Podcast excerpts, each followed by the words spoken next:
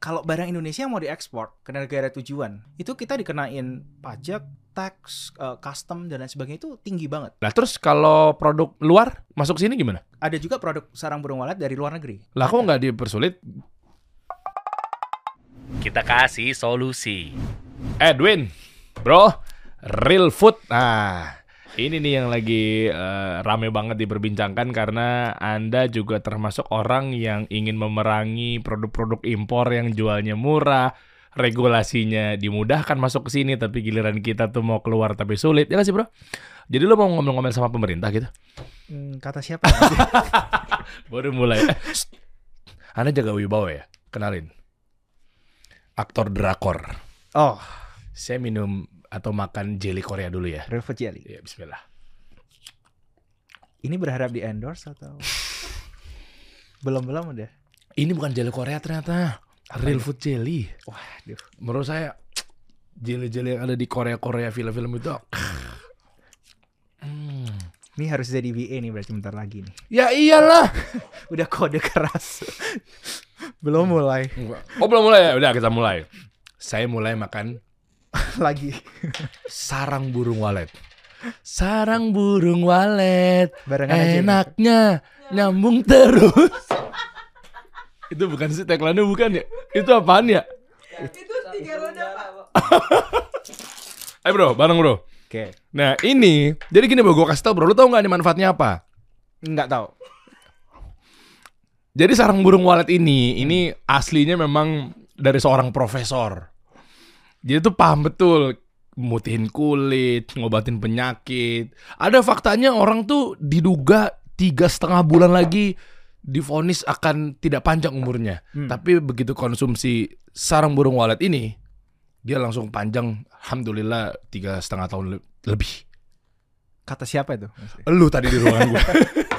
Itu kan bagian saya. Oh iya iya iya iya iya iya iya betul betul betul. Kita cobain dulu Oke, ya. Nanti oke. Anda cerita ya. Iya. Coba ya Bismillah. Oke. Wah. Eh, gue udah dua ginian lagi. Nggak apa-apa. Oh nggak apa-apa ya? Asal Iya. kantongnya itu Aman ya. aman. Iya iya iya. Jadi ini sempat viral bahkan sampai sekarang viral bro. Ya. Zaman zamannya teman-teman tahu ya waktu eranya covid apa segala macam. Eh, ini produk ini ya real food ini membantu teman-teman nakes ya. Ya. Bisa dibilang ya. Bahkan menjadi garda terdepan juga nih. Ini amunisinya garda terdepan kita. Betul. Kalau mau perang, ini peluru-pelurunya nih. Kenapa? Karena bantu pemerintah dalam penanganan COVID. Nggak Ya. cuma itu, tapi ternyata bisa buat kecantikan dan ngefek banget. Bahkan di Indonesia pun juga belum ada ya teknologi ini ya. Iya, kita salah satu yang pertama kali ya. Waduh, nah, sekarang mungkin udah ada yang menyerupai dan lain sebagainya, tapi kan lu sebagai eh, apa pionir lah bisa dibilang ya. Bro, cerita deh bro dari awal sebenarnya gimana sih akhirnya ada produk yang memang sekarang lagi banyak diomongin dan eh, produk ini katanya sarang burung walet yang yang gue sendiri pun juga ya baru dengar jujur ya. Nanti nyambung ya sama yang tadi yang gue minum atau gue makan jelly tadi tuh ya, real food jelly. Eh, katanya awalnya waktu lu di Amerika terus kata ada penemuan profesor yang belum pernah bawa ada ke sini sampai akhirnya bisa mengobati penyakit-penyakit yang yang bisa dibilang apa? Tradisional China kali ya. Hmm. Gimana sih awalnya, Bro? Oke. Jadi waktu itu tahun 2011. Oke. Waktu 2011 itu saya masih di eh, Amerika ya. Waktu itu Oke. masih eh, ada studi. Nah, waktu itu tuh ada hujan apa ya? Hujan salju yang paling lebat yang pernah ada waktu itu di kota saya tinggal di Seattle. Nah, jadi waktu itu semuanya sekolah tutup, Hmm. rumah sakit nggak ada gitu kan. Oke. Klinik juga eh, dokter semuanya lagi tutup. Oke. Nah, kebetulan memang eh, saya itu ada sarang burung walet dibawain sama keluarga saya gitu salah satu. Cuman satu apa satu eh, satu piece gitu ya. Coba deh bentar deh. Ini Ya. sambil diskusi ya, Bro ya. Iya. Sarang burung walet itu adalah sebagai upaya untuk pengobatan kalau di Ya. China. Betul. Mungkin berarti lu orang Cina nih ya? Turunan. Iya.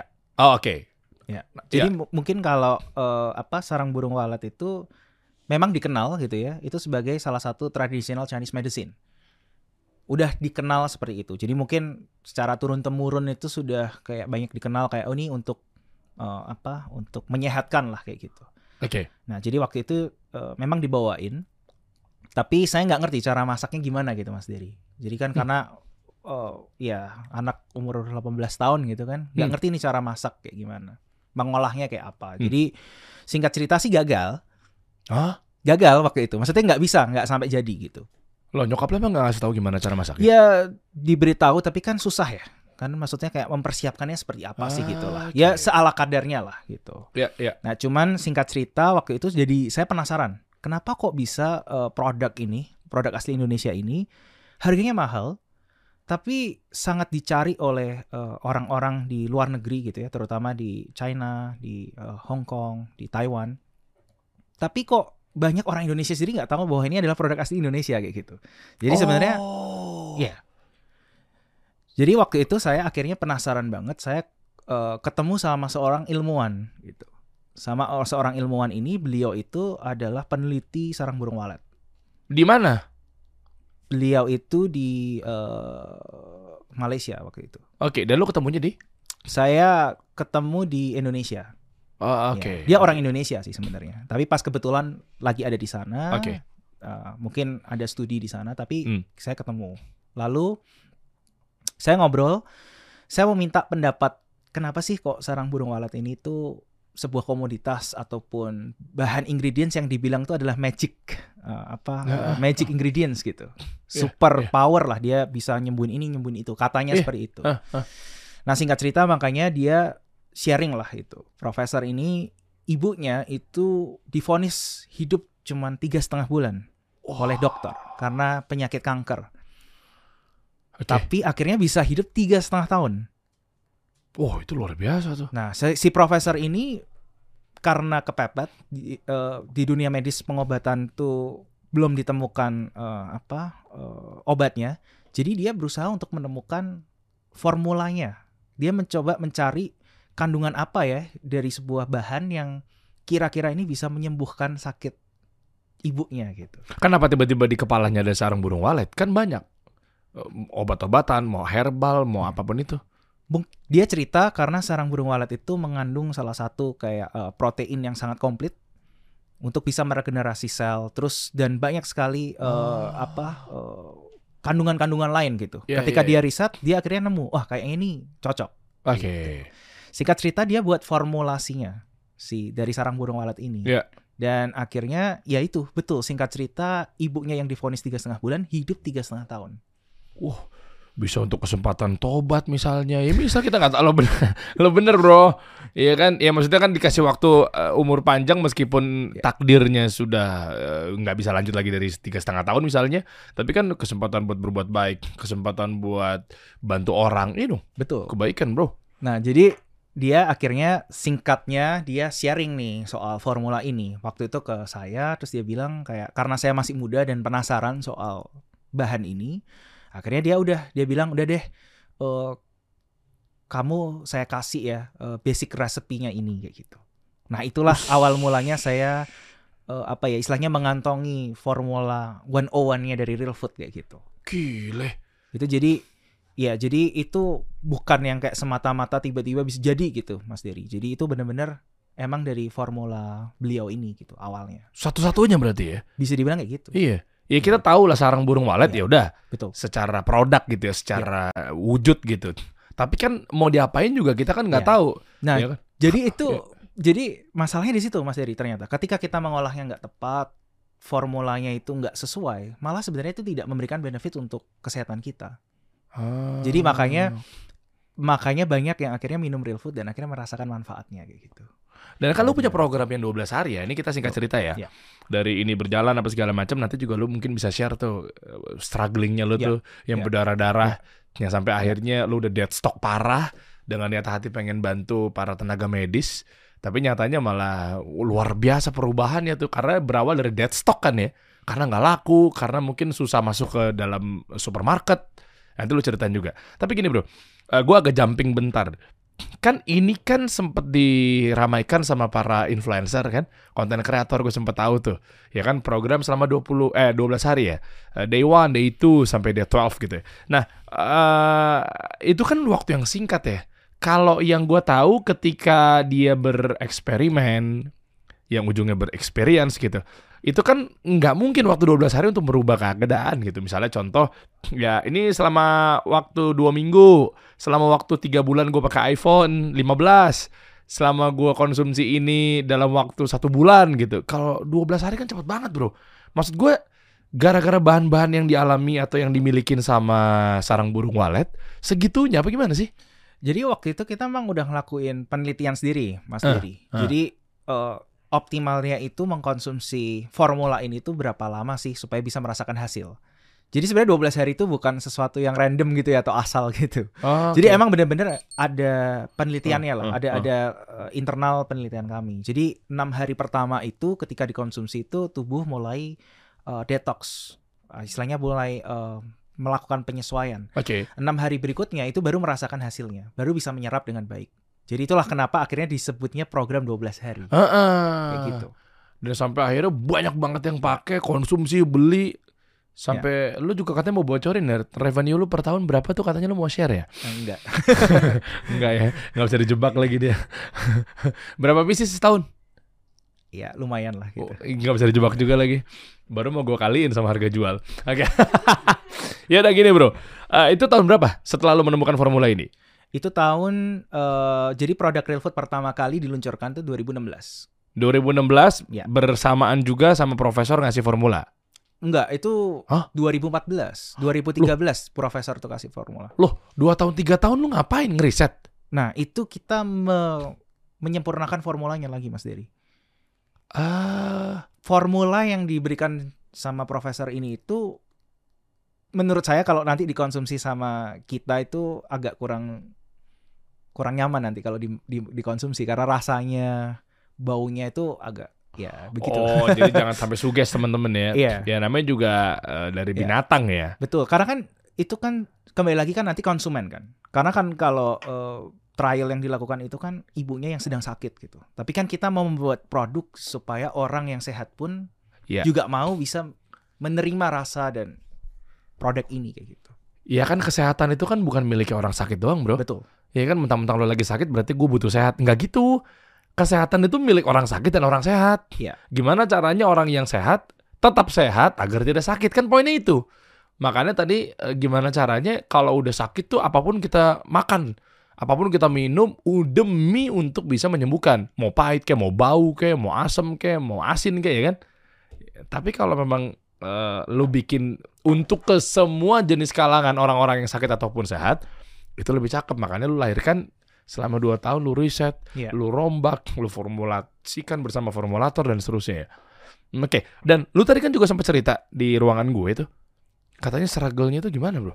Iya, jadi pada tahun 2016 itu kan produk real food pertama kali diluncurkan. Oke. Nah, pada waktu itu mungkin juga kesadaran apa ya, orang-orang masyarakat kita ini kan masih belum setinggi sekarang ya terhadap kesehatan. Hmm. Jadi mungkin apalagi real food itu lebih menyasar ke generasi milenial sebenarnya. Hmm. Nah, mungkin pada saat itu tuh banyak yang berpikir kalau kenapa sih masih muda harus hidup sehat gitu. Iya kan? Hidup masih muda ya hidupnya sembarangan aja, sehatnya nanti waktu udah tua. Hmm, kan Itu- lagi masa pertumbuhan gitu. Nah, itu mindset yang terbentuk Ah. baru dulu tuh Mas Dery. Nah, mungkin sampai akhirnya tahun 2019. 2019 itu mungkin kita mulai akhirnya eh, itu waktu itu masuknya di supermarket, eh, di modern trade lah kayak gitu. Dan mungkin karena konsumsinya caranya salah, jadi banyak orang juga yang nggak akhirnya nggak terlalu merasakan hasilnya. Apa tuh konsumsi yang salah gimana? Karena kan dia cuma minumnya mungkin kalau di supermarket satu botol, dua botol, habis itu stop. Lah, emang harusnya? Harusnya 12 hari. Oh, bertahap ya. 12 hari secara beruntun, hari ke-1 sampai hari ke-12. Boleh tahu alasannya nggak sih? Maksudnya kenapa memang harus dijaga biar pembentukan sel-selnya itu adalah tetap continuity atau gimana sih? Iya, karena memang tadi eh, secara singkatnya itu enam hari pertama itu memang masih proses mendetoksifikasi, men- menyesuaikan dengan formulanya gitu. Baru setelah itu enam hari berikutnya itu tubuh kita baru bisa lebih menyerap eh, khasiat-khasiatnya dan lain sebagainya kayak gitu. Iya, Makanya artinya- harus 12 hari. Iya, ya, harus 12 hari kan. Tapi artinya kalau misalnya kepotong gitu maksud Hmm. gua, apakah si sarang ini tidak apa ya? Kurang maksimal aja. Oh, tapi kan tetap masih di dalam tubuh kita. Iya, iya. Tapi masih kurang maksimal lah hasilnya kayak gitu. Oh. Nah, itu yang kejadian gitu kan. Kalau di supermarket karena belinya kalau dalam bentuk jar Satu. atau botol ya satuan. Wah, ada burung walet, cobain ah satu ah gitu ya. Betul. Lah kalau bisa jual satu paket. Ya, wak- karena waktu itu kan kalau dijual satu paket mungkin terlalu mahal juga ya. Orang masih belum percaya juga. Beneran berhasil atau enggak nih? Beneran ada Ah, impactnya nggak gitu kan? Oke. Nah Terus? makanya waktu 2019 itu kita akhirnya mulai masuk ke online. Kita keluarin program 12 hari. Orang mau nggak mau akan minum 12 hari. Nah mulai dari situ sih sebenarnya banyak banget orang yang merasakan hasilnya gitu. Tahun 2000? 2019. 2019. Berarti tiga 2019 tahun ya? tengah- Iya akhir. Oke. Terus kan nggak lama pandemi tuh. Betul. Nah itu lu kebenturnya gimana? Kan harusnya kan kalau online-nya udah bagus. Ya. Bentar deh. 2016 ke 2016 eh 2016 ke 2019 itu tiga tahun itu bagus penjualannya. Nggak bagus sama sekali dong. Oh. Itu struggle banget. Itu udah 2019 tuh udah udah oh ya itu. Susah banget lah itu. Stok berapa waktu itu lu produksi? Oh ya udah banyak banget Mas Dedi. Kenapa langsung banyak? ya kan kita juga punya itu ya, punya apa? Memang waktu itu punya stok, terus kita udah beli botol dan lain sebagainya. Pabrik Iya, kita ada pabrik juga Oh kan nggak iya. mungkin berhenti gitu kan. karena si apa namanya bisa bilang formula ini kan nggak ada lu bisa maklonin ya. Betul. Karena kan sarang burung walet itu memang temuannya ya ya Iya. Pertama untuk di Indonesia ya, ya mau nggak mau siapa yang mau produksi pabrik pada keder. Ya kan lu mau nebeng di pabrik skincare juga ng- bingung juga kan. Apa nih gitu.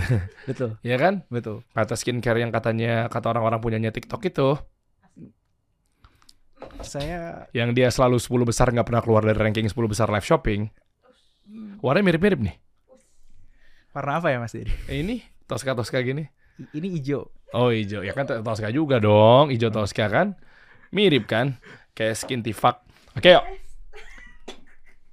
Eh, gua gak ngomong jorok ya, cuma plesetannya doang. Ini Kata orang-orang, makanya justru gue bela, lu jangan fitnah. Ini aman kan ya? Ya aman lah. Lo, lu jangan fitnah kan orang-orang soalnya gue bilang gini, gue paling nggak suka nih gara-gara dia kalah perang di live shopping, dia ngejelek-jelekin brand-brand yang ada di 10 besar ranking live shopping. Gue nggak suka tuh. Ah, dasar tuh rata-rata yang 10 besar tuh pasti punyanya TikTok. Eh, jangan langsung nuduh dong. Ya kan, bayangkan bisa jadi siapa tahu Skintific memang punyanya TikTok. eh salah ngomong, sorry sorry. Canda TikTok, serius amat tuh tok. Eh. Jadi gitu, Bro. Artinya 2019 lu berdarah-darah ya. Iya. Widih. Ya. Bangun pabrik, ya produksi sendiri lah artinya gitu ya. Terus gimana waktu itu pas nggak lama pandemi? Apa yang lu pikirkan? Nah, jadi waktu itu 2019 tuh orang waktu kita kasih pro- program kita udah mulai nih, mulai merasakan hasilnya gitu. Jadi sebenarnya kita mulai ya mulai ada kehidupan lah ya. Misalnya udah orang mulai kenal gitu kayak eh ini sembuh nih akhirnya nih. Minum 12 hari ada yang sakit ini sembuh gitu. Ada yang program 12 hari ada yang eh, sakit kulit lah apalah, sakit eh, paru-paru sembuh gitu. Itu mulai itu Wih, Mas Dedi. keren. Masya Allah. Jadi waktu itu akhirnya orang mulai mulai kenal lah meskipun masih belum uh, seluas sekarang gitu. Nah, pas pandemi 2020 justru uh, apa kita itu inisiatif. Kayak tadi Mas Dery sempat udah spill sedikit. Jadi waktu itu kita mikir karena waktu itu vitamin, obat itu kan terbatas banget. Ya. Semua suplainya sangat-sangat terbatas. Oh. Jadi kita kirimin tuh semua rumah sakit pokoknya yang uh, pemerintah, rumah sakit swasta kita kirimin buat nakes dan buat dokternya. Oke. Karena kita memang kebetulan juga punya produk gitu kan, dah kita kirimin aja gitu. Gak Itu ada kan- niatan apa pun. Oke, gara-gara emang lu udah stok numpuk aja, dead stok aja udah. Ya ada stoknya emang lumayan banyak gitu. Berapa waktu itu? Kira-kira aja. Lumayan banyak sih. Puluhan ribu. Ya pokoknya banyak rumah sakit lah gitu kita kasih lah. Gitu.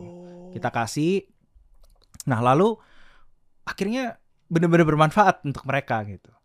Maksudnya ada yang sembuh, kan banyak yang terkena COVID, lalu ada yang gak gampang sakit akhirnya bisa melayani lebih baik. Jadi emang di kalangan apa ya, eh, di kalangan rumah sakit dan kedokteran itu akhirnya jadi eh, word of mouth gitu lah kayak gitu. Eh minum real food gitu, minum real food. Oke. Untuk COVID minum real food kayak gitu.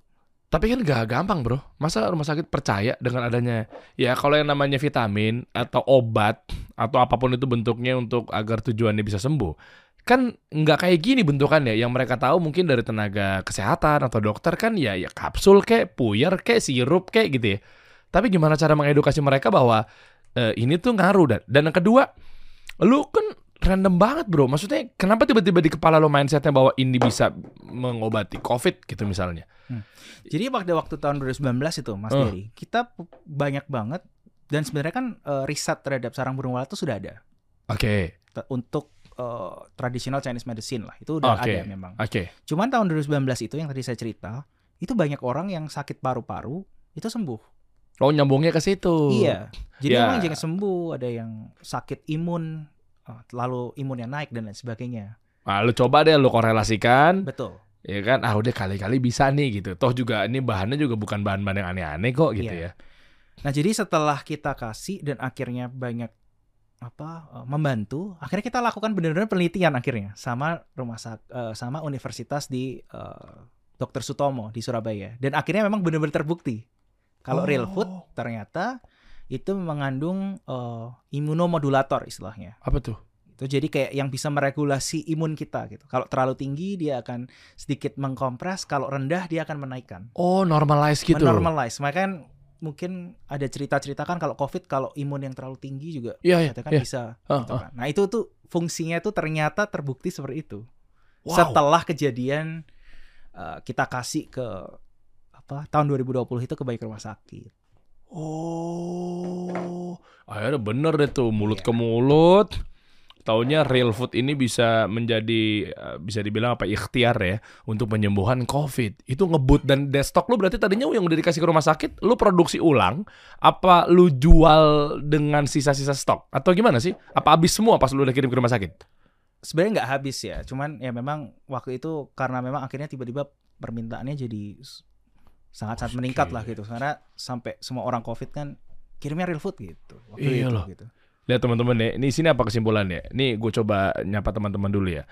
Eh, mungkin lo sekarang berpikir bahwa oke dead stock dan lain sebagainya dengan niat hati pengen bantu orang, niat hati dengan ah memang kayaknya nih mirip-mirip nih yang dibutuhkan sama tubuh nih karena kondisinya kan lagi covid, mungkin imunnya lagi nurun dan lain sebagainya dengan niat juga ikhlas gitu kan, lo kirimin karena memang di situ poinnya nih, gue tekankan ya di situ poinnya memang lu nggak ada penjualan dan lu bingung mau diapain stoknya numpuk ya. Ya maksudnya kan penjualannya nggak sebanyak itu juga kan. Paham, paham. Cuma memang niat hatinya memang, ya sudahlah kita Iya, bagi-bagi berbagi. Iya. ke rumah sakit aja gitu ya. Iya.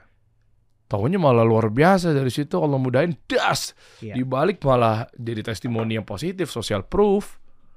Wah itu sampai kelimpungan. Se segimana Iya. tuh eh, stoknya akhirnya permintaannya tinggi banget. Ya itu kelimpungan banget akhirnya waktu itu. Oh. Karena kan bener-bener kan nggak nyangka juga kan. Ya, ternyata memang sangat bermanfaat gitu hasil akhirnya. Oke, dan nggak cuma buat covid doang, tapi nyatanya bisa buat kenapa hubungannya sama ke kulit putih ya? Setahu gue itu kan kolagen. ya? Kecantikan. Ya. Jadi nah kita ada banyak yang lain ya. Formula-formula ini kan untuk kesehatan. Ada yang formula untuk kesehatan kulit. Kesehatan kulit itu mungkin bukan benar-benar memutihkan, tapi memang mem- menjaga kulit tuh lebih lembab, kenyal, glowing lah. Kalau mungkin orang bahasanya kan glowing kan. Oh. Glowing itu kan belum tentu putih, Mas Dery. Iya, iya, iya. Ya kayak lo sekarang ini kan lagi glowing nih gara-gara lu sering konsumsi ini kali ya. Mas Dery juga. Oh ya, oh padahal baru, baru dua ini loh. Emang ya? Saya langsung pengen syuting di Korea nih. Emang iya lu glowing? Coba sini gue pegang. Enggak, enggak. Canda, canda. Oh, Iya, iya.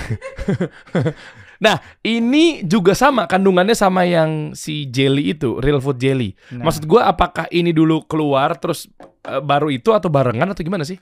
Jadi ini dulu keluar Ah. tahun 2020, 2021 nama Real Food udah mulai dikenal kan Ya, akhirnya. ya, Masya Allah. Oh ini kesehatan, ini bagus Real Food kayak gitu. Terus akhirnya kita terinspirasi nih. Tahun 2021 tuh kan banyak orang nonton drakor waktu itu kan. Karena kan pandemi di rumah dan lain sebagainya. Hampir semua tuh seliweran tuh makannya jelly gitu kan. Jelly. Tapi jelly jelly yang di drakor itu udah pasti ada ini ada sarang burung walet ya? Ini ada? Nah, kalau yang di drakor Nggak ada. ngapain dia? Iseng-iseng gitu doang. Eh, Kenapa gue yang ngatur ya? Mungkin tanya ke ke Enggak enggak maksud gue kenapa dia apa sih apa sih gue gua nggak paham itu emang gayanya orang Korea begitu. Iya, kayaknya Oh. orang Korea tuh kan suka apa ya? Bentuk jelly ini udah udah jadi agak common lah kalau di sana itu. Jadi kayak jelly kesehatan, vitamin itu bentuknya jelly. Meskipun belum tentu sarang burung walet. Iya, Oh. mungkin vitamin C, mungkin ada kolagen, mungkin ada apa kayak gitu. Tapi udah orang Korea kan makanya rata-rata makannya jelly gitu. Kalau kita kan masih tablet gitu kan. Oh iya iya iya iya. Nah akhirnya kita punya pikiran nih, eh kita bisa nih lokalin gitu. kita coba ya kita lokalin pakai formulanya real food akhirnya ini Coba coba lihat. gitu. Ah, nggak percaya gue. Coba lihat. Eh, coba coba saya pengen tahu. Saya lupa tadi pertama udah nyobain apa belum gitu. tadi udah Oh, udah ya? Udah. Ah, udah pegang gunting lagi tanggung lah. Iya kan kirimin orang kantor dong. Oh gini, tinggal dor- hey. kosong ya, kosong ya, kosong kosong ya.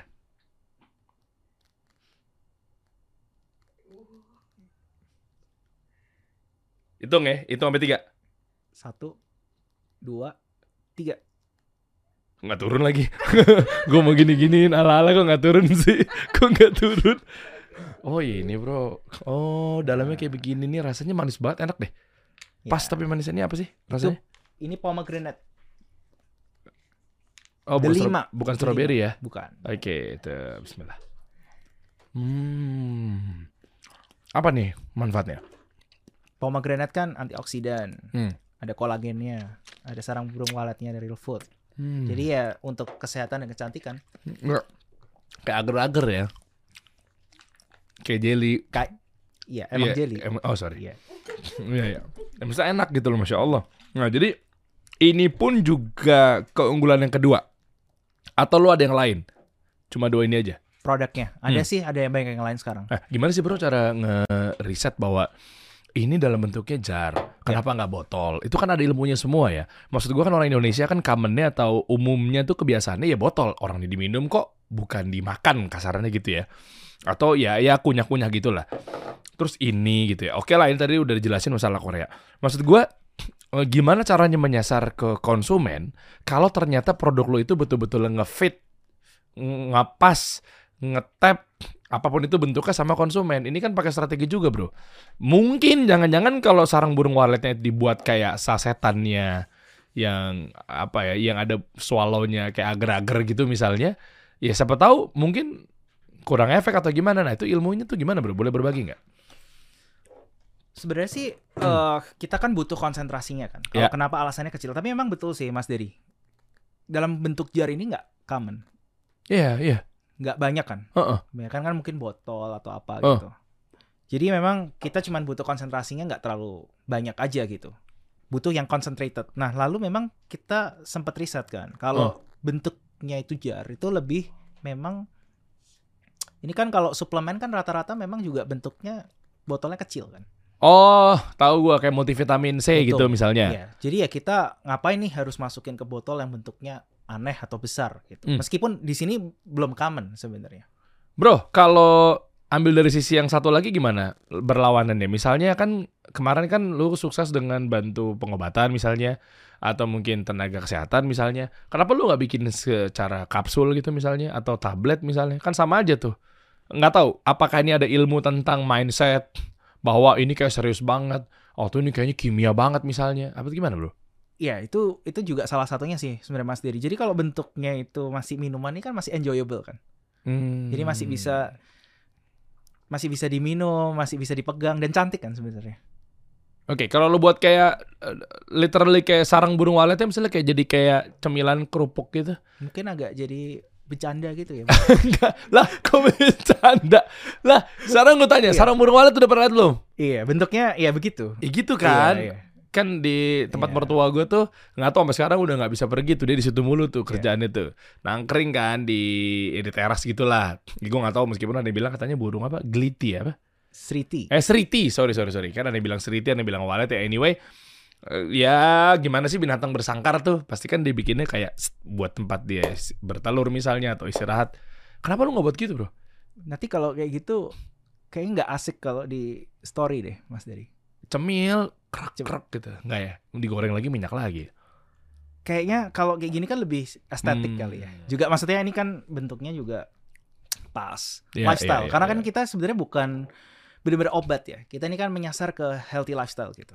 Preventif. Ah, oke. Bukannya kalau obat kan konsepnya udah sakit baru baru minum gitu. Wah keren strateginya. Iya benar juga ya. Jadi di di di apa ya? Disasar kepada ritual. Ritual betul. Iya kan? Itu kan ada bagian dari strategi branding and marketing juga tuh. Kalau kata guru gua Pak Abi itu eh bukan bikin permen yang jahe, tapi bikin permen kopi. Makanya Pak Abi itu bikinnya kopiko. padahal waktu itu pemilik pabrik pengennya, Pak Bi, mau dong, saya mau bikin brand permen karena ada mesin dengan kecepatan produksi permen sekian. Ya memang ini pokoknya permen aja bisanya ini. Kapasitas produksi kita gitu kan. Ya udah saya mau bikin permen jahe dibalikin sama guru gue tuh.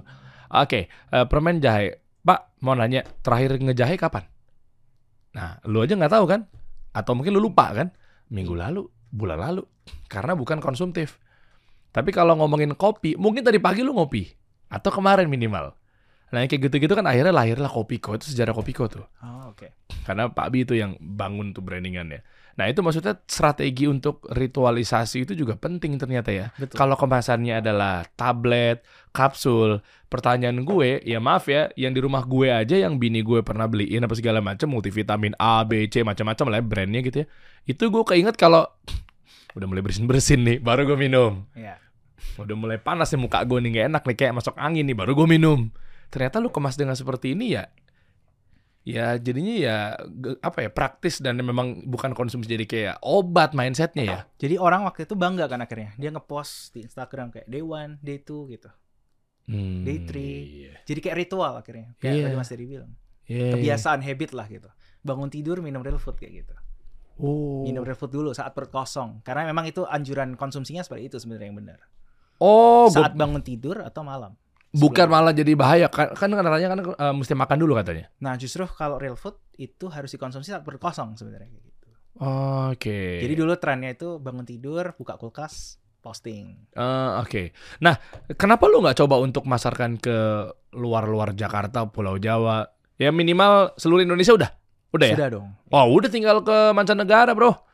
Tinggal ekspor misalnya. Lu udah coba belum? Karena kalau kayak gini biasanya Kementerian Koperasi UMKM, Pak Teten Mas Duki tuh pasti happy banget nih kalau punya produk yang karena memang ini adalah bukan dibilang lokalisasi banget, tapi justru ini bisa mendunia karena bisa mengobati banyak orang, bisa bikin orang jadi sehat, bonusnya tadi yang glowing apa segala macam. Kenapa, Bro?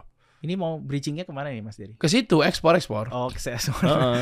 Anda kan, eh, memang nanti ada janjian kok buat nyerang-nyerang produk impor yang masuk dalam kok tenang. Tapi itu ada proses, ada alurnya bro. Belum belum belum nyampe situ. Yang tadi kita janjian kan. Masa harus gue bongkar sih Edwin, Edwin. kan Mas Dery sendiri tadi itu ya. Iya iya, benar. Win kita bahas Win. Kita bahas fenomena ekspor impor yang lagi rame TikTok ya. Apalagi produk-produk Cina yang bisa jual masuk ke sini tapi kita nggak boleh keluar gitu kan. Itu ntar ada kok. Masa harus dibongkar sih? Masa harus tahu dapurnya penonton? Ya udah itu dulu, ekspor dulu. Abis dari ekspor. Masa gue jelasin sih Win? Abis dari ekspor, Iya, iya, iya. baru kita sikat tuh produk-produk impor gitu Mas. Dery mungkin yang mau sikat kan. Iya kan yang di belakangnya ada PRC-nya tulisannya. Ya misalnya brand skincare ini begitu dicek di belakangnya diproduksi PRC. Oh, dari Cina nih. Ah, padahal dia ngakunya brand lokal kita. Masa harus dibahas sih, Win? Ini nggak dikat atau? Enggak dong, lanjut terus dong. Oh iya, lagi nonton ya? Lanjut. Oke. Oke. Gimana tuh Win ekspor Win? Nih, lo kan kemarin sempat rame juga nih di Kementerian UKM kan? Betul. Lo ngomong dan bersuara di sini, Bro. Gimana, Bro? Ekspor lah. Ya, jadi waktu itu saya sampaikan ke Pak Menteri. Mm-mm. Sebenarnya kalau produk Indonesia itu yang mau diekspor, sebenarnya kan produk kita ini kan termasuk salah satu produk lokal yang benar-benar lokal kan ya. Karena sarang burung walet sendiri itu 70% produksinya dari Indonesia. Masa sih? 70% dari total di dunia itu diproduksi dari Indonesia, Mas Dery. Bener, nanti diproduksinya ada tulisan PRC-nya nih di belakang. Eh, Indonesia sih kalau ini. Indonesia ya? Indonesia. Bukan kayak skincare itu kan? Dibahas lagi. Apaan? Eh, oke. Lah kan gua nggak ngomong nama brandnya. Ya kan banyak kan. Brandnya banyak. Oh kan? banyak yang PRC? Oh. Oh lo yang ngomong nih?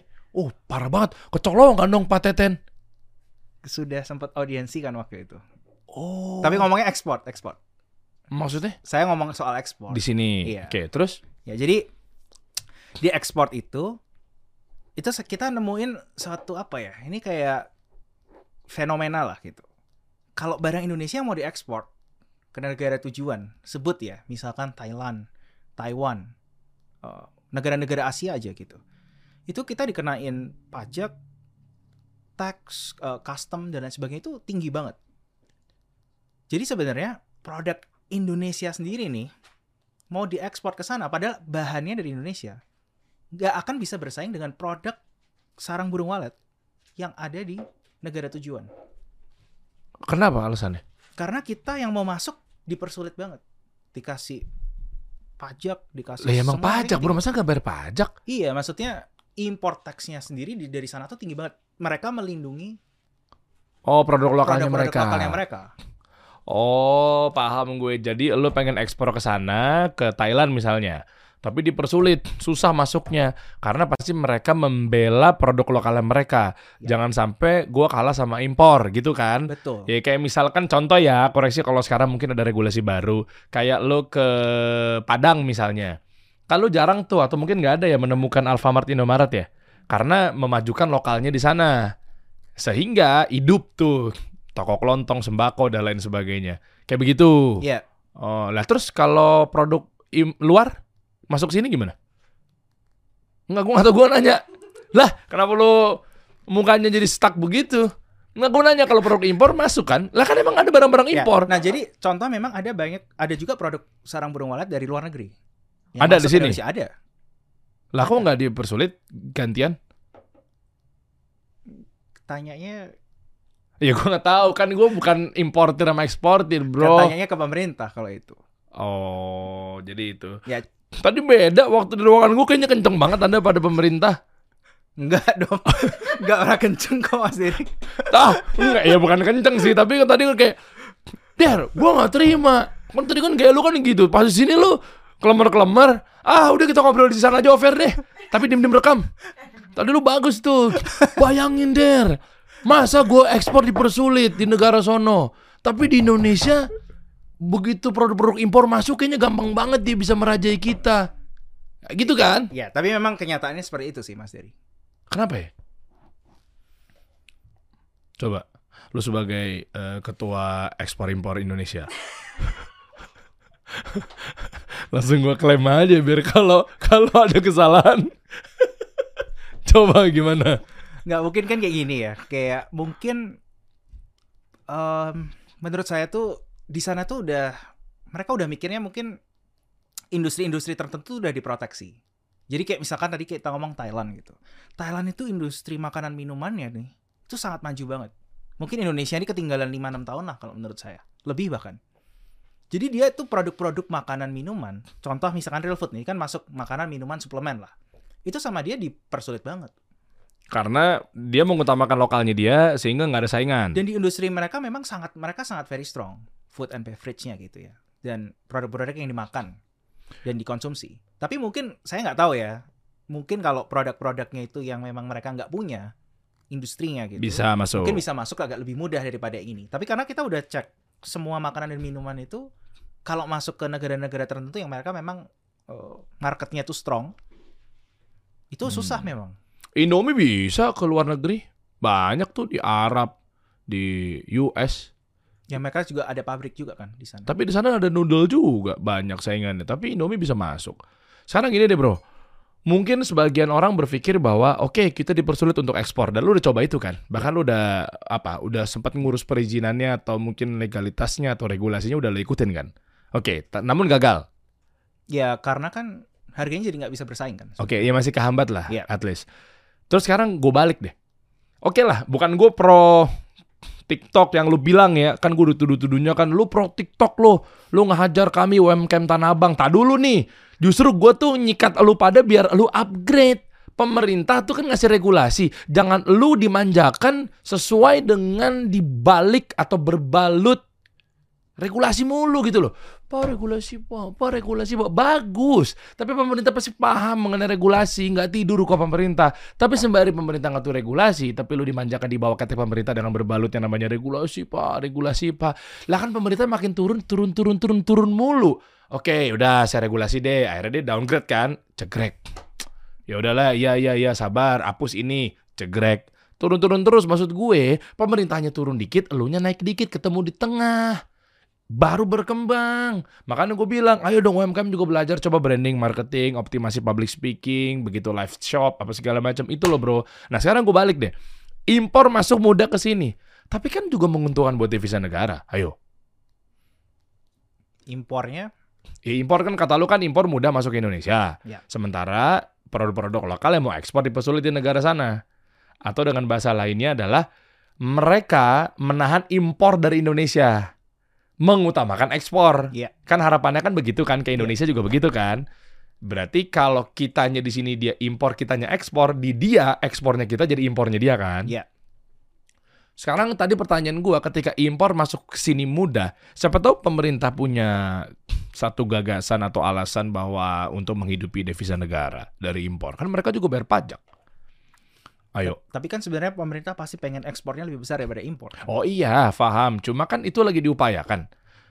Cuma maksud gua dengan tadi lu bernarasi seperti itu kan seakan-akan impor kok gampang banget di sini, giliran kita susah di negara sana. Lu bantu kita dong kan bahasa gampangannya, eh, bahasa kasarannya Itu seperti kata itu. saya ya tadi. Eh, kata gua lagi melintir omongan lu sih.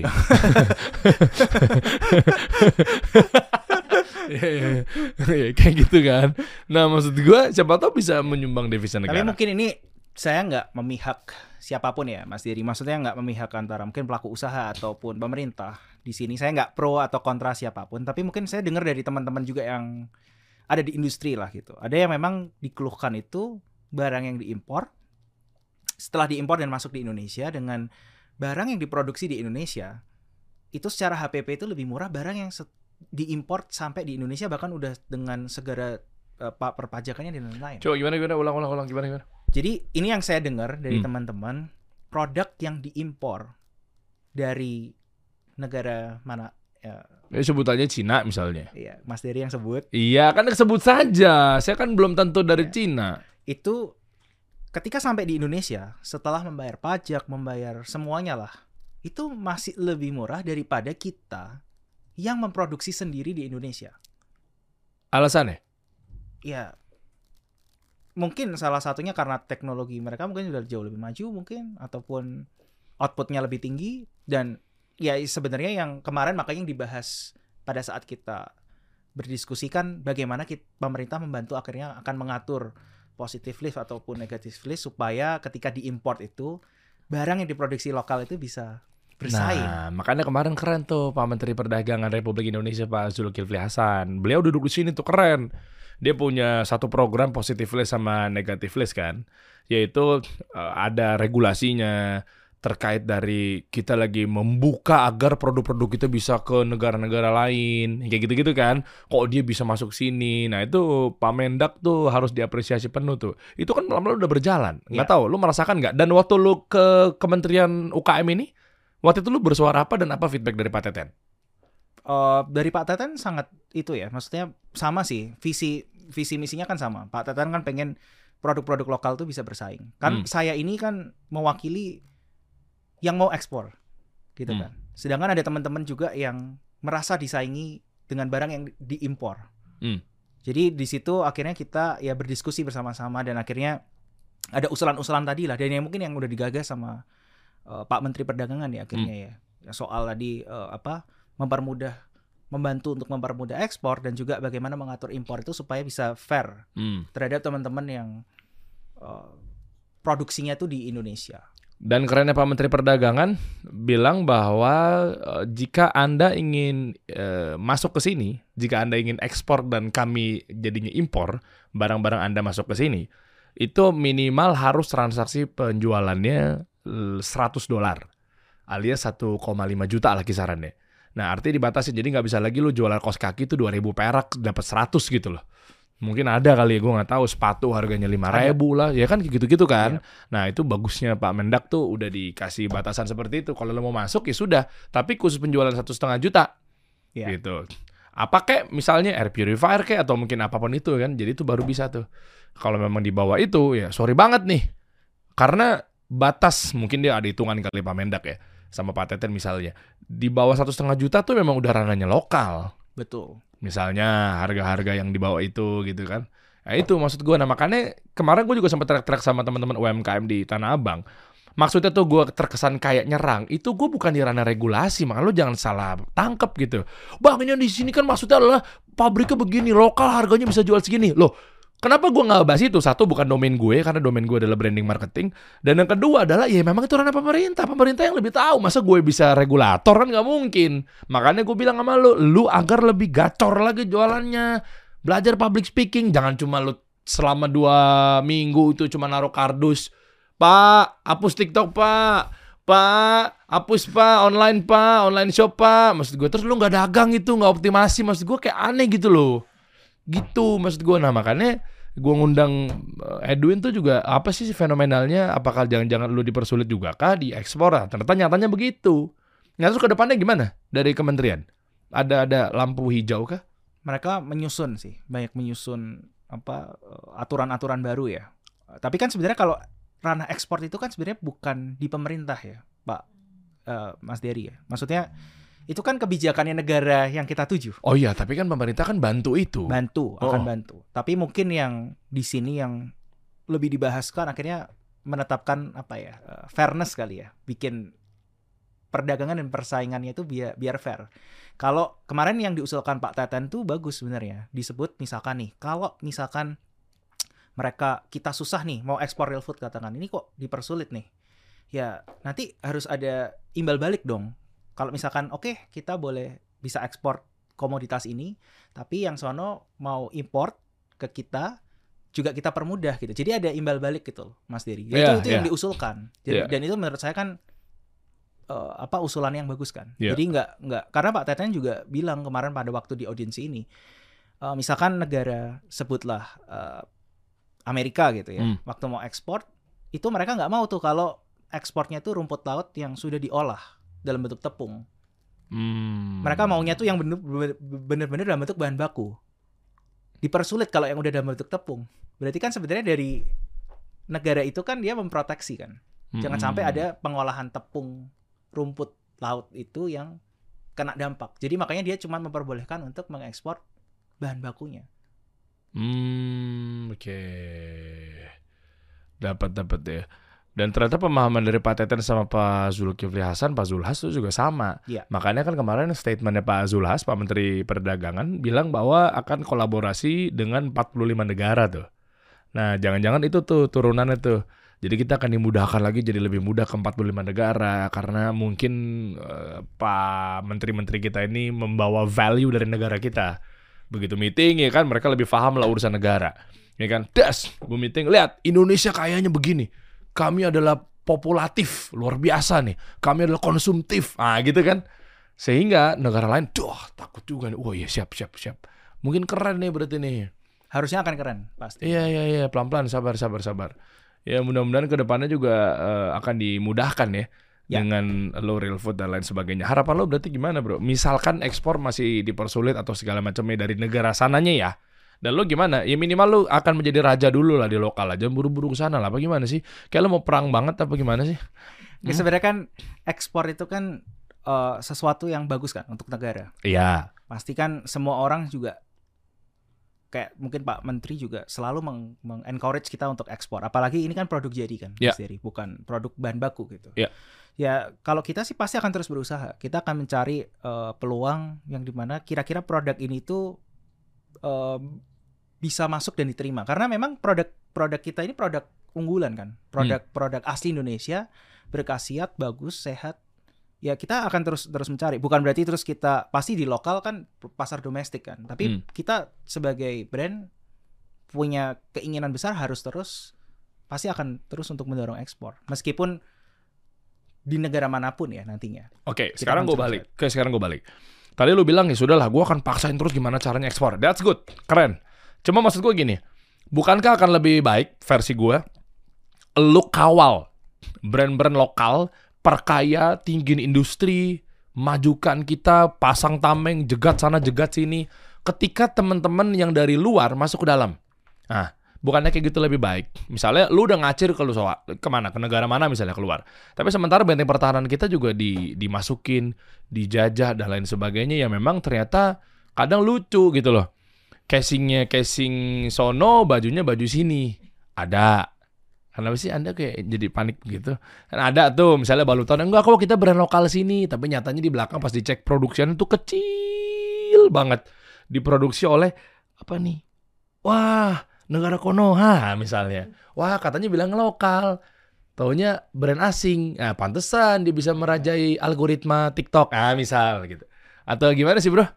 Sebenarnya kan gini Mas Dery. Eh, bukan berarti kita itu juga mau ngacir sendiri ya sebenarnya. Maksudnya kita itu secara brand kita pasti punya keinginan untuk ekspor. Hmm. Saya rasa teman-teman semua juga pasti sama. Eh, mereka mau membawa harum nama Indonesia kan justru dengan ekspor itu. Oke.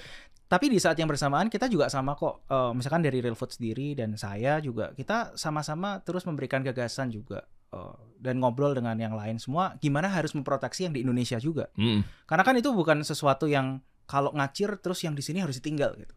Ini Oke. harus, harus eh, apa eh, pekerjaan dua hal yang memang harus dikerjakan bersama-sama Hmm. dan berbarengan menurut saya. Jadi saya setuju sih, nggak mungkin tuh kalau yang nanti yang di Indonesia mati, terus habis itu kita ngacir ngacir semua tapi yang di Indonesia udah dikuasain sama yang lain. Nah sebenarnya eh, apa ya? Dan ini sebenarnya kan peperangannya udah banyak disampaikan juga ya, akhirnya dengan teman-teman. Mas Dery juga kan harusnya Iya, yang memproteksi. Oh iya, saya saya makanya kalau beli produk tuh skincare tuh saya cek tuh. Wah, diproduksi dari asing nih. Ah, saya nggak beli tuh. Kalau saya, mendingan saya beli produk lokal Indonesia yang bisa bersaing gitu. Karena kan saya apalagi kurang suka juga tuh narasinya tuh. Udah produknya diproduksi oleh PT-nya asing bukan PT Jaya Abadi kan itu ketahuan Indonesia tuh. Tapi tahunya malah eh, penjualannya juga meningkat. Waduh. Dia yang makin kaya dong, nah kan gitu tuh. Mungkin kalau itu sih soal integrity brandnya kali ya. Maksudnya eh, mungkin kan Mas Dery bilang kan banyak yang ngaku lokal tapi sebenarnya nggak lokal. Oh, ada ya bro ya? Nah, kan tadi Mas Dery yang bilang. Oh ya nggak makanya saya nanya. Anda tahu nggak? Ya ada. Oh apa tuh brandnya? Ya nggak usah disebut Oh, lah. usah, tapi, sorry, tapi sorry. banyak. Banyak. Tapi banyak. Makanya kan sebenarnya yang dipermasalahkan sekarang juga sebenarnya mungkin sama netizen juga kan. Ketipu kan. Eh saya kira itu brand lokal gitu. Ternyata bukan. Isu kali bro, fitnah hati-hati fitnah lo bro. Soalnya memang ada yang bilang katanya dia punyanya TikTok. Katanya TikTok ngasih penyuluhan ke dia. Lah memang TikTok misalnya buat pelatihan gimana? Kan saya nggak nyebut. Nggak misal, misal, Oh. misal. Loh, tapi kalau itu kan memang udah banyak yang terbukti kan. Maksudnya yang klaim lokal tapi ternyata nggak lokal kayak gitu. Taunya dari mana? Loh kan banyak aja buka aja di med medsos. Ininya apa packagingnya?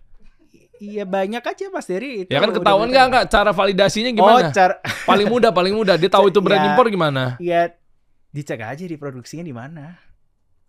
Di apanya nih packagingnya? Iya. Oh, coba buka. Gue mau tes ya, gue random ya. Ya kan gue tinggal buka aja di live shopping aja yang kira-kira masuk 10 besar. Kan biar ketahuan. Karena kan sekarang lagi ramainya TikTok Shop atau TikTok Live. Ya kan kalau memang misalkan kita ngangkat isu ini terus ya harus relate. Karena kalau ngapain kita bahas eh, eh, Zalora misalnya. Karena Zalora lagi nggak dibahas. Sekarang kan lagi ramainya kan TikTok. Karena tolak ukur impor kan katanya TikTok. Coba ya. Gimana sih cara yang lagi live? Oh, kita scroll dulu ya. Tap to watch live. Oke. Kita masuk shopping ranking. Ini mesti saya ngajak teman ya Mas Dery. ya? Enggak, enggak, enggak. Kita kita santai aja, Bro. Gitu kan. Ini statement dari gua kok tenang aja. Nah, cuma gue giring jadi seolah-olah dari lu gitu. Oke. Ini nomor satu Celo, nggak tahu gue. Bella lu ah, Kocun nah gue tahu nih. 5 nih, Kocun. Weni 805 gadget. Originot gue tahu karena eh, siapa? Bini gue sempat bahas-bahas karena itu adalah skincare. Dokter Richard Lee pernah mampir sini juga. Olivia Olivia eh, Bittersweet by Najla gue tahu. Orang. Indonesia tuh enak tuh. Tadi pagi gue baru beli tuh. Eh, Ricky Orlando gue tahu jualan jam nih. Oke Eh, Skintific. Coba ya ada Skintific Scarlet Whitening. Kita ngomong skincare deh yang lagi rame deh. Karena kan lagi banyak digandrungin kan. Yang pan yang yang yang yang apal aja deh gue deh coba. Nih Scarlet Scarlet Whitening Scarlet produk mana Indonesia, Indonesia, kan harusnya. bener kan? Fair ya. Ini karena kita menepi stigma nih orang-orang yang banyak desas-desus fitnah-fitnah gua. Gua harus fair. Kalau emang ternyata enggak enggak, iya iya, bukan masalah urusan bela impor apa ekspor nih kalau gue nih. Ya kan platformnya di TikTok TikTok, IG IG gitu. Orang gua orangnya clear gue. Oke, Scarlett Indo punya siapa? Scarlett. Felicia. sama Cesarito. Felicia siapa sih? Felicia ternak uang itu. Hah? Artis. Ada ya. Lokal sih. Lokal ya. Eh, iya. Seharusnya sih ya. Dokter Tulus nih. Namanya ya udah Dokter Tools. Oh iya iya benar. Iya sih. Ya kalau di luar dokter tools, alat dia. Alat. Jadi alat dia di luar tuh. Kantong lala. Skip skip. Maayarik. Yaudah ini orang Indonesia lah ya. Ya, namanya kan udah. Ya, Ricky, Olivia, oke CDC, coba lihat. Eh, nah ini Skintific. Nggak, gue dari bawah ke atas nih. Tadi habis Scarlett Skintific. Kita ngomong yang skincare yang lagi rame. Skintific dulu nih, sebelum ke Originote. Originote nomor 9, Skintific peringkat ke-21. Ini per hari ini teman-teman ya. Oke. Skintific. Tadi lu bilang sekarang cepet banget ngomong lokal. Skintific, oh karena nggak ada yang tahu ya. Ya udah buka aja. Skintific diproduksi oleh Nggak, soalnya gue mesti clear Karena ini kan kita kan nggak ada pen- pencelaan apa pun Nggak boleh Coba Skintific diproduksi oleh Mana sih, gimana caranya sih Bukan gitu Dimas, Skintific nyambung Nah, tuh Skintific diproduksi oleh nanti kita lihat packagingnya. Diproduksinya bukannya disambung ya? Bentar, bentar, cari lagi deh. Mana sih? Tuh, Skintific milik siapa? Tuh, mengerti.id. Abis itu kita, ini new tab, abis itu image. Gue mau lihat packagingnya. Coba, itu new tab, itu new tab. Itu, apa sih, Win? Nggak apa-apa. Lu nendang-nendang kaki gue mulu dari tadi lo. Coba coba. Ah, coba. coba. Nih, Skintific milik siapa? Inilah brand skincare asal Kanada. Kok Kanada tiba-tiba? Hah? Nah, makanya kan apa itu? Asalkan ada. Inilah brand skincare asal Kanada yang viral di TikTok karena produk skin barrier-nya. Nah, ini siapa owner ya bule-bule ini nih? Masa sih? Fitnah nih! Bener gak sih? Ini malah scientific merek asal merek. Ini Skintific apa nih? Bener nggak? Lu jangan sampai fitnah nih. Coba ke bawah. Ganti yang lain coba. Bukan itu. Eh, tapi tuh, kecantikan ya. Salah satu nih, S- Skintific. Apakah dari Cina, skincare Cina laris manis? Salah satu produk kosmetik yang tengah viral digandrungi oleh Skintific. 5 kali ceramide moisturizer dari Cina. Coba-coba atas atas. Ngakunya apa? Kanada juga itu. Itu Skintific. Emang iya Skintific. Bentar deh, Skintific itu ngakunya, gue ngomong ngakunya bukan dari statement lu ya. Ngakunya Indonesia apa Cina? Skintificnya sendiri. Masih belum. Ini, ini aja Hah? Kalau baca sih netizen sih taunya Indonesia. Netizen tahunya Indonesia. Ya. Tapi di berita Cina. Oh ini permainan media nih, media kan bisa menggiring opini. Coba buka dulu, coba. Nah kan kelihatan tuh dari packagingnya. Coba lihat image. Kita mah harus fair-fairan aja, kita nggak boleh fitnah di sini. Coba mana, buka. Nah itu tuh, Skintific. Ngomongnya lima kali apa lima x sih? Gue nggak paham gue skincare lima kali tuh ya Lima maksudnya. kali kayaknya itu. Lima kali ya. Coba zoom, ya pecah. Coba coba coba fotonya. Ah itu coba. Eh klik klik klik. Ya, nggak kelihatan deh. Nah, ini nih di bawah nih. Nah, itu tuh. Skintific 5 kali ceramide, barrier, moisturizer, gel. Diproduksi. Aduh, yang jelas dong nggak ada ya. Kamu kamu ngezoom pakai tangan gitu. bisa. Coba coba coba. Ini nih nih. Eh nggak bisa. Mana lagi? Itu nggak kelihatan Mas Diri. Nggak nggak kelihatan gue. Susah. Coba coba gitu biar gede. Bisa nggak? Nah, itu Nggak nggak kelihatan. Terjadi fitnah. Kita harus clear. Biar di insert nanti di layar. Apa? Saya pengguna apa saya? Ada. Ada. Inong pengguna Skintific. Eh, kalau ternyata terbukti ini adalah produk asing, Anda tidak support lokal ya Inong. Namanya Inong Tanjung. Orang Padang kelahiran Aceh. Coba mana? Nah ini biar fair nih. Coba, ini ada produser gue tuh. Coba, dia kita cek. Maksudnya jangan jadi isu bro. Ini pertama kalinya gue bongkar di sini. Cua, pantesan nih Skintific begini begini. Maksud gue lu jangan fitnah. Kalau emang lokal lokal, asing-asing. Maksud gue itu bro. Ketahuan nih strateginya ntar. Tapi gini deh, pun kalau terbukti impor, lah sekarang gue tanya, apakah semuanya juga katanya kan isunya kan TikTok itu sangat pro asing. Sehingga yang masuk 10 besar, 20 besar atau algoritmanya yang dikencengin biar dia terlihat, terpampang, disupport, di boosting itu katanya hanya yang produk-produk impor. Gue buktikan, Anda jangan fitnah loh. Ini bukan gue bela TikTok nih. Tapi maksud gue kayak kocun. Maik kali kocun orang Cina terus dilesin bahasa Indonesia di sini. Nggak tahu sih kalau laptop yang dijual ya. Ayo coba. Nggak ada pak di sini pak. Hah? di Bungkusnya nggak di ada. bungkusnya ya. Coba sini. Kalau di sini nggak ada Mas Diri. Kalau skincare biasanya Oh, di ada. box. Oh, di boxnya. Boxnya, Udah dibuang dong pak. ini kamu beli apa? Second? Enggak dong. Hah? Enggak kan? Lah emang nggak masa nggak ada boxnya? Coba cari lagi. Polosan sih pak. Jadi orang pasti nggak notice. Hmm, coba mana? Box, box, box, bilang box gitu. Di box, scientific di box. Ya boleh deh.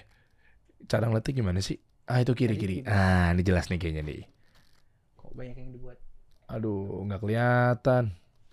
Ah, itu tuh. Atas atas. Ah itu. Itu kelihatan. Nah, oke, yuk Kotak biru jangan sampai lolos. Coba ya. Skintific 5 kali ceramide, barrier moisturize gel.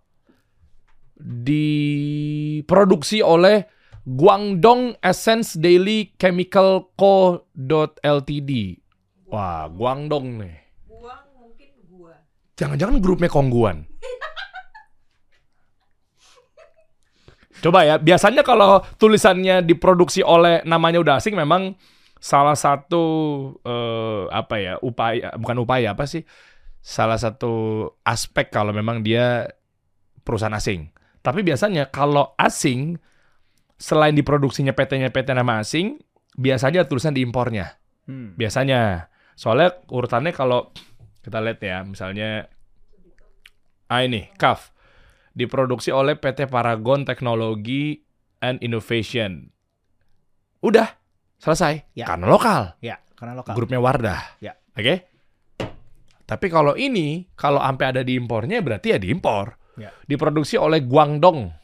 Diimpor dan didistribusikan oleh PT Maisun Yivan. Oh, diimpor. Ini Eh, Mas Dery podcast. mungkin ini salah ketik. Hah? Ini Mas Dery podcast sendiri kan? Kenapa lu? Oh sama. Lihat kan ada Edwin foundernya Real Food yang berupaya untuk ekspor ke Cina tapi dilarang. Bukan dilarang. Oh, bukan dilarang. Sorry, gue makannya tabayun nih. Apa? Bukan dilarang, dipersulit. Belum ada upaya Ya. lolos. Oh, tapi nggak dipersulit. Oh, ya ya ya ya. Nama negara. Oke, yuk. Skintificnya take out dulu kali, Pak. Oh iya, betul. Ya, oh gitu. Tapi nggak ada tulisannya disupport oleh TikTok. Lah, kan katanya kan kalau Skintific di produknya TikTok punyanya TikTok harus ada tulisannya dong disupport oleh TikTok. Jadi udah diproduksi, diimpor, didistribusikan, disupport. Kan saya bukan orang TikTok, Mas Dery. Oh iya, iya. sorry sorry sorry. Sorry sorry. Nah sudahlah Anda nilai sendiri saja ya. Gitu. Soalnya dari tadi Adi nendang kaki gue mulu gitu. ya ya. Gimana bro ke depannya? Ya kita edukasi. Iya, edukasi. Ya, ya. gimana kira-kira dengan fenomenal ekspor impor? eh ya, mungkin lo ada harapan ke depannya. Semoga eh, produk-produk lokal kita tetap merajai di negeri kita gitu, bro. Minimal negeri kita maksimal merajai dunia gitu, bro. Gimana, bro? Em, sebenarnya saya setuju sih. Maksudnya terlepas dari Mas Dery tadi 10 menit terakhir bahas apa gitu, saya kok agak lupa. Oh gitu, ya ya. saya agak blank tadi. Ah, bahas Skintific katanya punyanya Oh. Cina, tapi Oh. nyatanya kayaknya iya gitu. Oke, terus Cuman em, apa ya merek-merek lokal tuh sebenarnya nggak kalah keren menurut saya. Brand-brand lokal ya, itu keren-keren banget sih. Saya jujur sekarang tuh pakai sepatu sepatu lo apa? Coba lo lo lokal lokal lokal taunya. beneran. Nih apa sih? Nah Project ya. Nah, oke. Ini enak banget loh. Coba kita saling ini deh. Saling sidak. Oh, Hmm, sepatu lo apa? Sama-sama dari sepatu-sepatu, kategorinya celana-celana, baju-baju, kacamata-kacamata. oke. Eh, coba sepatu lo apa? Ini ini Nah Project nih. Nah Project ya, gue Ya. tahu Nah Project lokal. Ya. Nih, kangki gue. Oh, Lokal. Gue kangki, Bro. kaki. Oh. Celana, Celana nggak tahu nih. Ini beli ah Uniqlo kan? Gue nembak-nembak aja gue orangnya. H&M. kayaknya nggak tahu nih. Lupa. Bro. Lokal, Bro. Ya. Oh. Celana gua nih, Mills. Mills, Bro. Tuh. Kalau ini seragam nih buat Baju sendiri. apa? Bu- buat sendiri. Oh, seragam. sendiri lokal. Ya. Mills, Bro. Tuh. Kacamata lo. Nggak ngerti nih. Nggak jangan, jangan pura-pura bohong deh. Coba kacamata lo. Nggak ngerti nih Mas Dery apa nih. Nih, gua nih. HSF. Tuh, Bandung. P Design. Wah, Cina tuh. Masa Nggak tahu. nggak tahu? Pokoknya gue giring aja deh. Gue giring aja. nggak maksudnya Nah, coba. maksudnya brand-brand lokal tuh nggak kalah keren. Iya. Maksudnya kayak jujur kayak nih sepatu nih. Jadi yang pakai nih contoh nah project nih. Nah, Ini pernah coba sama Adidas nih misalkan atau diadu Nike. ya. Enak Keren. ini sih. Iya. Oh, gue kangki kalau gue. Oh ini Eh, brand kalau ambassador gue ya? kangki. Brand ambassador kan? Heeh, tuh, gue lokal semua gue. Terus maksudnya Oh kayak kali nggak? Eh, itu jam tangan jam tangan apa? Coba, terus akhirnya nah project nih mana? Gimana nah project? Nggak maksudnya kayak contoh nih sepatu. Iya. Maksudnya seenak udah kayak brand import. Brand-brand. Oh bisa diadu memang. Ra- ini bener-bener kayak enak banget sih. Levelnya ya, kualitasnya Iya, iya, kita iya. ngomong. Ini mas- misalnya sama sepatu. Terus kayak misalkan kayak makanan, minuman, semua lah skincare. Skincare juga sama. Kita sekarang juga sebenarnya lagi buat skincare. Hmm. Oh, Oke. Dery. Oke. Dari dari formula real food kita buat skincare. masker apa skincare nih? Moisturizer, sunscreen. Enggak, gue pikir kayak masker bengkoang gitu kan bisa jadi sarang burung walet gitu Ya, misalnya. kita Iya. juga ada lagi kembangin sih kayak Oh. masker gitu. Cuman maksudnya itu juga diakuin gitu. Masya produk Allah. apa produk-produk lokal tuh sekarang tuh sebenarnya nggak kalah nggak kalah bagus dan nggak kalah kualitas sama produk-produk import ya. Hmm. Itu pasti sudah udah terbukti. Misalkan dari skincare, makanan, minuman, suplemen pun kita sekarang udah maju banget. Jadi maksudnya ya harapannya ya pasti pengen lah kita ngeliat at least brand lokal itu di Indonesia pasti harus at least jadi top 5 gitu di Yoi, setiap kategori. yes. Setuju gue. Dan teman-teman jangan sampai eh, sumbu pendek nih. Ntar gara-gara namanya real food, lu ngiranya kalau lu bangga produk Indonesia namanya Namanya. nama nama Indonesia dong, nggak ada urusannya. Justru bagus. Justru gua malu dalam artian dengan dia berupaya dengan namanya dibikin barat kebaratan. Agar apa? Agar bisa tembus. Ya. Iya kan, ibaratnya daripada Indonesia banget orang benar tahu bahwa ini kayaknya kita nggak kenal nih namanya nih. Ah, dia mau menghancuri lokal kita, misalnya begitu. Nah sebenarnya ini mungkin terakhir menarik tadi Mas Dedi Hmm, bilang. Jadi sebenarnya kita itu masih punya PR juga. Barang yang made in Indonesia itu kalau di luar itu dianggap agak sebelah mata. Oh. Barang yang made in Indonesia. Jadi saya ada tahu beberapa misalkan nih eh, produsen makanan gitu minuman. Kenapa mereka kok mau buatnya di luar? Karena mereka mau pengen made in-nya itu luar negeri. Hmm, oke. Nah sebenarnya itu kayak kita mungkin tugas kita semua lah ya Mas Hmm. Dery juga dan seluruh media dan lain sebagainya itu kita masih punya PR di sana sih sebenarnya. Made in Indonesia itu kalau dibawa ke luar negeri itu kita masih punya PR tuh di situ. Karena orang di sana kayak ini Hmm. Indonesia nih produksi apa sih kayak gitu. Iya sih, banyak dianggap sebelah mata sih. Dianggap ya. sudah mata. Padahal sebenarnya produk kita bener-bener bagus. Balikin aja udah. Eh, nganggap sebelah mata. Eh, ya udah kalau gitu Nike, Adidas nggak usah produksi di sini. Nah, raw materialnya nggak usah pakai raw material kita, gitu dong. Made in-nya made in Indonesia loh itu sebenarnya. Iyalah, Iya. lo iya loh. Iya. Made kan dibuat. Maksudnya gitu, brandnya iya, brand Amerika, Swedia, dan seterusnya gitu ya. Tapi kan dibuatnya di sini. Maksud gue kayak gitu-gitu. Makanya kan istilahnya gue nggak pernah denger serangan-serangan tersebut itu datang dari brand-brand yang banyak produksi di sini. Iya. Ya kan kayak Nike, Adidas mereka ya udah nggak apa-apa respect gitu. Lu nggak nyerang gue, gue juga nggak balikin ke lu. Kalau lu macam-macam sama gue, buru-buru gue, gue keep. Nggak boleh lu bikin sendiri lo sono di negara lo. Nah, buru-buru pabrik kita tahan, gak usah produksi produk ini. Ah, misalnya. Tapi kayak gitu. Nah, lucunya di zaman sekarang tuh mereka merasa mungkin negara-negara tersebut nggak boleh, Indonesia nggak boleh masuk. Tapi sementara eh gue ekspor boleh ya. Terus mengelabui kita lagi. Eh, kita lokal loh. Nah, kayak gitu-gitu tuh, gue nggak demen tuh. Nah, ya kan, nah maksud gue, ya mudah-mudahan ke depannya ya kita fair lah. Kalau memang lu bisa masuk sini kan, ya membawa pesannya kemarin juga gue banyak belajar dari Pak Menteri Dala, eh, Perdagangan gitu ya. Ya, ya kalau memang misalkan lu masuk sini ya gue juga kasih jatah dong ke sana dong. Barter. Nah iyalah, barter value kan keren. Masa harus nunggu gue jadi presiden 2093? Ini Mas Dery mau mau nyapres nih. Oh enggak lah. Lah, gue mah nggak begitu bro. Gue siapa pun yang jadi, gue taati, gue hormati. Iya kan? Nah, gue tinggal tergantung ucapan terima kasih dan apresiasi itu reward dari mereka ngehargain gue sebagai menteri apa kan? Gue kan fair fair. Bro, ada yang mau tambahin buat teman-teman di rumah bro? Eh enggak sih? Enggak ya, cukup ya. Cukup. Gimana cara beli real food? Belinya ada distributor nggak sih lo? Enggak deh, end user ya. Eh, online supermarket juga ada, tapi online Nah, di mana sih? Coba ya, buka. seluruh e-commerce semuanya Gila, sih, hampir 1 M followersnya. banyak kan Mas Dery. Oh enggak lah. Lah, gua 200 ribu kasih Oh. solusi 300 ribu. Lu tinggal cek aja di sini, klik langsung. Eh, Boleh sehari boleh lebih dari satu jar nggak sih bro? Boleh-boleh aja. Boleh boleh aja. Ya, cuman satu juga udah udah cukup sih. Udah cukup ya. Udah Tapi ini cukup. kan nggak ada masalah ada efek gimana gimana kan. nggak ada. Efek-efeknya Nggak ada. segala macam kalau Nggak ke apa terlalu banyak gitu ya. Kalori tinggi nggak? Enggak dong. Oh, oke. Enggak ada kalorinya. Coba lihat ya. Nah, ini teman-teman nih. Nah, tuh ya.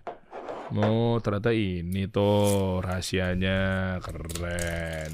Untuk sebagai penutup, gue harus buktikan lagi, bener nggak rasanya aman gitu Ya. loh bro. Bismillah.